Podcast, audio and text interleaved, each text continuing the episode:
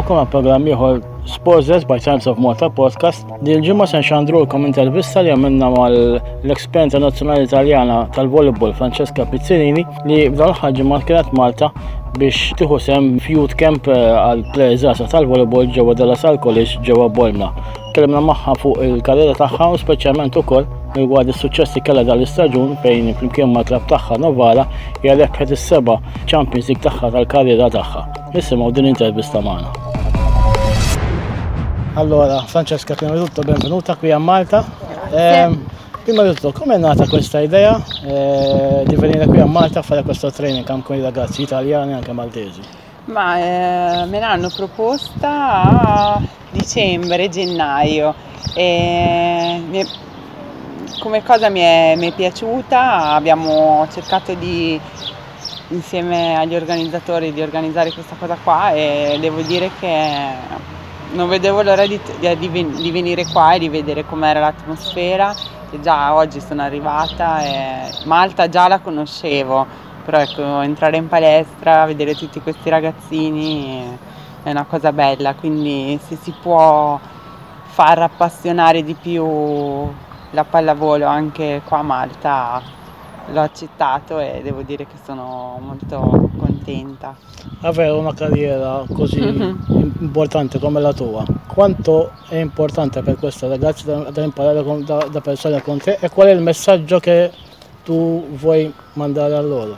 Ma sicuramente sì, è una carriera lunga, eh, piena di, di tanti successi, anche di tanti sacrifici. Eh, sicuramente il messaggio che mi piacerebbe eh, dare a loro che comunque per diventare, arrivare, comunque non è che arriva tutto così, ci vuole comunque dedizione, ci vuole ehm, voglia, credere nei propri sogni, impegnarsi. Poi chiaramente anch'io in tutta la mia carriera ho avuto dei momenti difficili, però con, eh, se ti poni certi obiettivi come nella scuola, nel lavoro e hai voglia di arrivare, alla fine ci arrivi, ecco. E sicuramente un atleta come me a contatto con questi ragazzi che vogliono iniziare a conoscere questa pallavolo penso che sia un messaggio bello, un messaggio positivo, ecco. Quanto è stato importante per te la pallavolo, non soltanto a livello sportivo, ma anche come persona, come formazione di persona? Ma sicuramente penso eh, che mi ha dato tanto a livello sportivo, ma tanto anche come persona, perché comunque eh, lo sport in generale ti dà la possibilità di interagire, di metterti comunque eh, a disposizione di un gruppo, di, un- di una squadra e, e- e cercare di lavorare tutti per un solo obiettivo. Quindi eh, magari capita che non vai d'accordo con tutti, però nel momento in cui lavori, nel momento cioè, cerchi di aiutare il tuo compagno a fare sempre di più o il mio compagno a aiutare me, comunque tante teste, cercare di comunque eh, avere una bella eh, atmosfera per cercare sempre di arrivare al risultato, ecco. E lo sport penso che è un buon, è un buon trampolino di lancio per, anche per personale per cercare di migliorarsi, quindi anche il fatto stando con le persone, ecco, eh, le idee, cioè il comunicare, quindi penso che sia un- cosa, lo sport è una cosa importantissima. Quest'anno è stato un altro anno magico per te, perché eh, hai vinto la settima Champions in carriera eh, col tuo club Novara. Puoi descrivere la grande emozione che hai provato? Bah, sicuramente è una bellissima emozione, anche se ne ho vinte sette di Champions League, è come se fosse sempre la prima volta, perché comunque arriva dopo tanti sacrifici, dopo tante ore di allenamento, quindi quando arriva un obiettivo così importante che ti sei prefissato è sicuramente eh, una gioia, ecco, una gioia.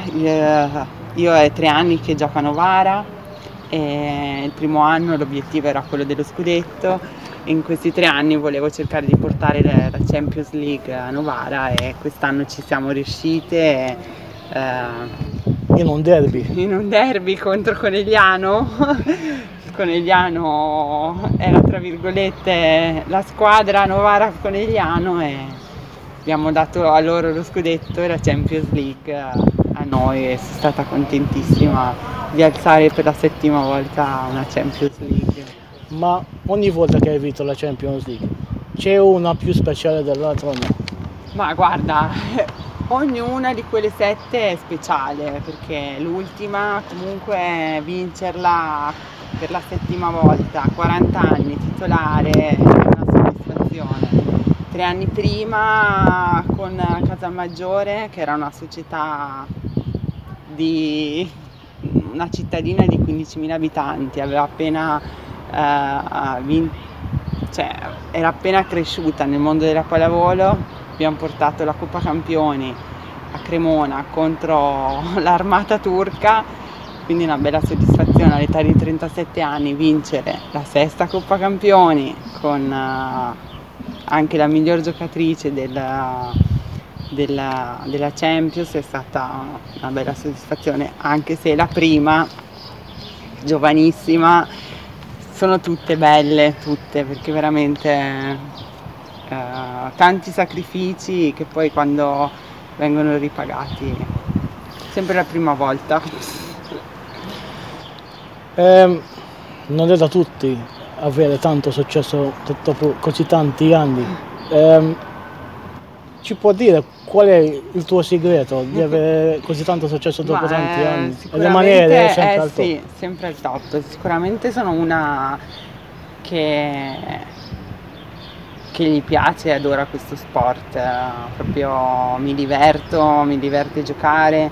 Eh, proprio ho la competizione, la voglia di vincere nel sangue e sicuramente sì, la passione, l'amore e il divertimento. Io quando gioco mi diverto, mi diverto quando sono in palestra. Sicuramente in tutti questi anni è cambiato tanto Francesca, perché prima ero una ragazzina, oggi sono una donna esperta in questo sport, quindi sono state tante Francesche che comunque oggi cioè, la partita me la vivo proprio al 100%, quando ero più piccola facevo un po' più fatica perché c'era tanta tensione, tanta... Dovevo, dovevo essere oggi invece proprio me le godo a pieno. Ecco. Quindi oggi c'è meno pressione dei primi Ma anni? la pressione c'è, però chiaramente la vivi in maniera diversa. Dopo tantissime partite giocate eh, la vivi come veramente eh, guardarti un bel film a casa con i popcorn e te la vuoi godere proprio al 100%. Sembra che col mister Balbolini eh, eh, lei ha un grande film oggi perché con lui è ritornato Champions con Casalmaggiore, Casalmaggiore sì. e tanti altri successi con la nazionale eh. italiana. Ci spieghi un po' il, il vostro rapporto? Ma è un allenatore che stimo molto, l'ho avuto tanti anni in nazionale, l'ho avuto a Novara, a Casalmaggiore, è un allenatore che che sa che giocatrice ha e quindi eh, riusciamo a lavorare bene, abbiamo lavorato bene, c'è molta comunicazione, penso che la comunicazione è importantissima tra atleta e allenatore. È uno molto aperto anche al dialogo, sai, a cercare di capire se c'è qualcosa che non va, che se c'è da spingere oppure sai, tante cose che, che servono ecco, quindi in ti fa sentire molto comoda nel sviluppare la tua sì sì beh sai non sono più la ragazzina e quindi cioè, parliamo tanto ecco. Questa stagione è stata un'annata d'oro per il volley italiano perché a parte una finale tutta italiana in Champions c'è stato anche l'argento al, al mondiale Eh, quanto crede che è stato importante per promuovere lo sport a livello giovanile in Italia? Ma eh, sicuramente tanto, con la federazione hanno creato questo Club Italia che in pratica fanno crescere queste giovani e penso che quello è stato una cosa importante, infatti in questi ultimi anni c'è stato tanto un ricambio generazionale, mentre in passato eravamo sempre noi. E infatti poi i risultati si sono visti con uh, un argento al mondiale inaspettato per quelli fuori ma all'interno della pallavolo ecco, si sapeva comunque il valore di questa squadra poi fatto, penso che ha contribuito tanto anche Davide Mazzanti l'allenatore che comunque è un allenatore giovane con uh, tanto entusiasmo cambiato anche un po' il modo di giocare e penso che è stata una cosa importante.